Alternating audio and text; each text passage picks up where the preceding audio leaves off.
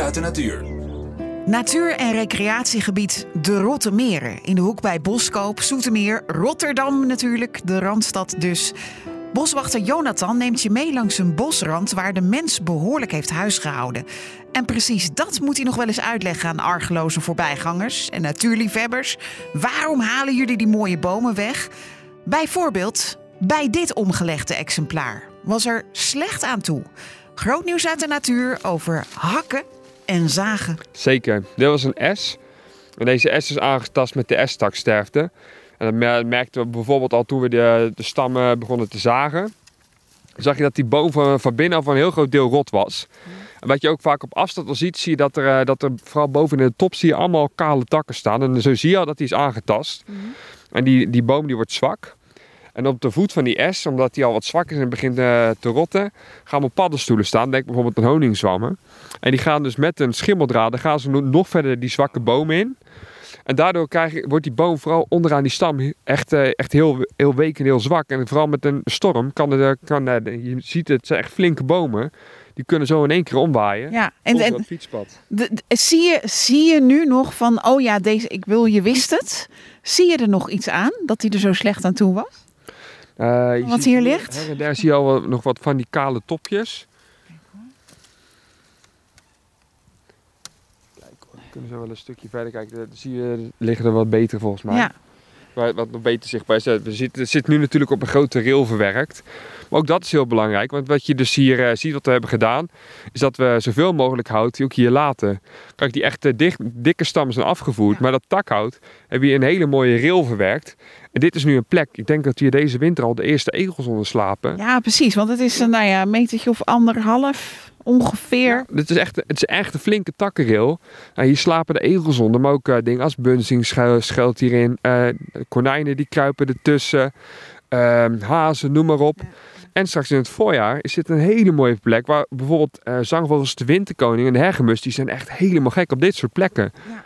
Dit, is- dit, ik denk dat hier, als je in het voorjaar komt, dat het echt een, een kabaal is van die zingende winterkoninkjes. Dus ga er maar vanuit. eh ook al lijkt het een bos dode takken daar zomaar neergelegd, gelegd, maar de- er is echt wel over nagedacht. Ja, zeker. En dit is nu, is dit, nou, ik denk dat dit ongeveer eh, twee, drie weken geleden is gezaagd. En we gaan straks in de winter gaan we hier eh weer struweel aanplanten. Wat is dat? Struik, struikgewas. Dus we Oh, gaan struweel. Ja, ja, ja. soorten struiken hierin planten.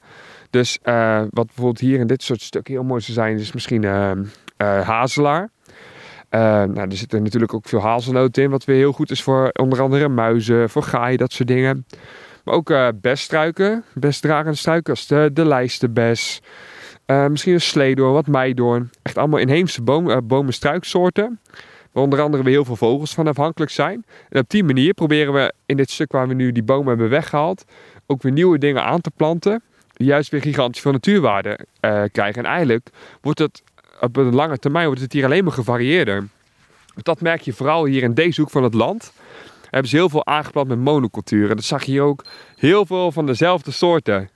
En die monoculturen, dat heeft eigenlijk één groot nadeel. Nou, bijvoorbeeld nu met ziektes. Die, heel, heel kwetsbaar gebied. Gaan ze, gaan ze massaal dood. Maar ook ecologisch gezien is het vrij arm. Want eh, iedere boom- en struiksoort heeft zijn eigen soorten die daarvan afhankelijk zijn. En ja, eh, als je meerdere soorten bomen en struiken aanplant, heb je dus ook veel meer soorten eh, flora fauna die, die, in, die in dat gebied voorkomt. Dus uiteindelijk wordt de diversiteit ook veel groter. Mooi voorbeeld is onze zomereik. Die heeft maar liefst 350 verschillende soorten eh, flora, fauna, schimmels die daarvan afhankelijk zijn. En zo heeft iedere boom en stru- boom en struiksoort heeft dat. En we gaan hier dus al die verschillende soorten door elkaar planten, waardoor we echt een gigantische boost krijgen in de diversiteit. Dus op lange termijn, ja, en dit klinkt misschien een beetje dubbel, zijn die ziektes zo nu voor die, voor die bossen helemaal niet zo gek. Want eigenlijk worden die bossen opnieuw weer ingeplant. En die krijgen in dat opzicht weer een gigantische boost in diversiteit. En natuurlijk eh, liever niet op deze manier. Maar goed, eh, we moeten gewoon het beste eruit halen. En ik denk dat we vooral hier in eh, ons gebied in de Rottermeren, dat we daar echt een hele mooie vooruitgang hebben gemaakt de afgelopen jaren. De stam is fel oranje uitgeslagen. Ja, dit is een elsenstam, dat kan je zien. Dat, dat elshout wordt heel mooi oranje. Ja, dan zul je misschien wel denken, joh, zo'n zo, dikke boom. Joh, eh, kan je die zomaar omzagen? Nou, daar, daar gaan we heel zorgvuldig mee, eh, ja, mee te werk. Afgelopen voorjaar heb ik echt uren, dagen achter elkaar hier door onze bosvakken gestruind. Bezig met gedragscode bosbeheer.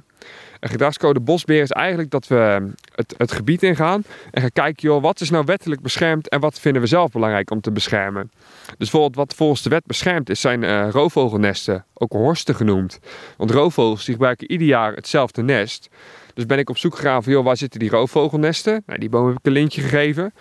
Maar ook heb ik gezocht dat 50 meter om die roofvogelnest heen, dat er niet gezaagd gaat worden. Omdat je anders misschien uh, het nestbiotoop van die roofvogels verstoort. Ja, precies. Anders wordt het een heel theoretisch ding. Namelijk deze boom niet, maar die van 10 centimeter ernaast wel. Ja, bijvoorbeeld vooral die havik is er ook heel gevoelig voor. Als die havik op zijn nest zit, zodra jij uh, iets van het uitzicht vanuit het nest gaat veranderen, heb je ook kans dat die havik weg is.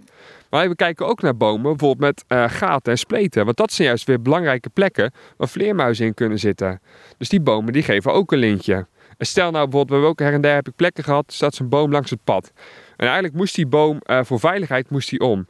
Maar er zaten wel gaten en spleten in. En wat we daar hebben gedaan, is dat we uh, nou, ongeveer anderhalf, twee meter boven die gaten, hebben we de top eraf gehaald. -hmm. En die hebben we in het bos verwerkt. Om te zorgen dat in ieder geval die boom niet meer die wind vangt.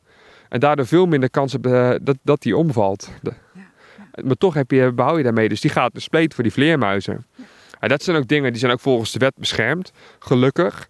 En daarnaast kijken we ook gewoon wat vinden we zelf belangrijk. Terwijl we, terwijl we even iets deze kant op lopen. Ja.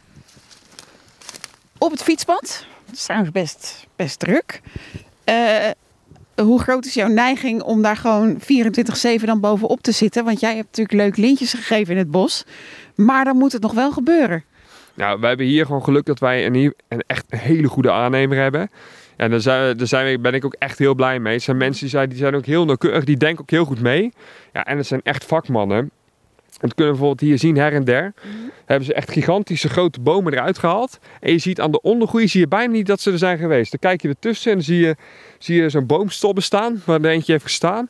En dan zie je als het ware dat er omheen geen, geen enkel takje is geknakt. Dus we hebben echt heel veel geluk met die aannemer. Die Hoe doen ze dat dan? Hangen ze erboven of zo, terwijl ze, terwijl ze bezig zijn hier? Ja, sommige plekken hebben ze gewoon letterlijk, uh, waar, waar de boom zelf geen kant op kan vallen, klimmen ze erin. En dan zagen ze iedere keer een stukje eraf.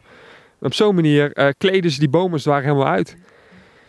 Dus in dat opzicht uh, mogen we hier heel gelukkig zijn dat we vrij weinig omkijken naar omdat die mensen gewoon zelf heel zorgvuldig zijn. En we hebben ook ergens één nest over het hoofd gezien. En dan krijgen we een belletje van de aannemer. Van joh, we zijn hier bezig en we zien in die boom naast ons zien we een nest zitten.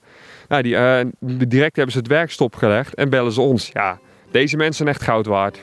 Nou, tot zover de complimentenronde. Je hoorde groot nieuws uit de natuur met boswachter Jonathan over hakken en zagen. Zien in nog een podcast? Luister naar Verhalen van Hoop via grootnieuwsradio.nl/podcast.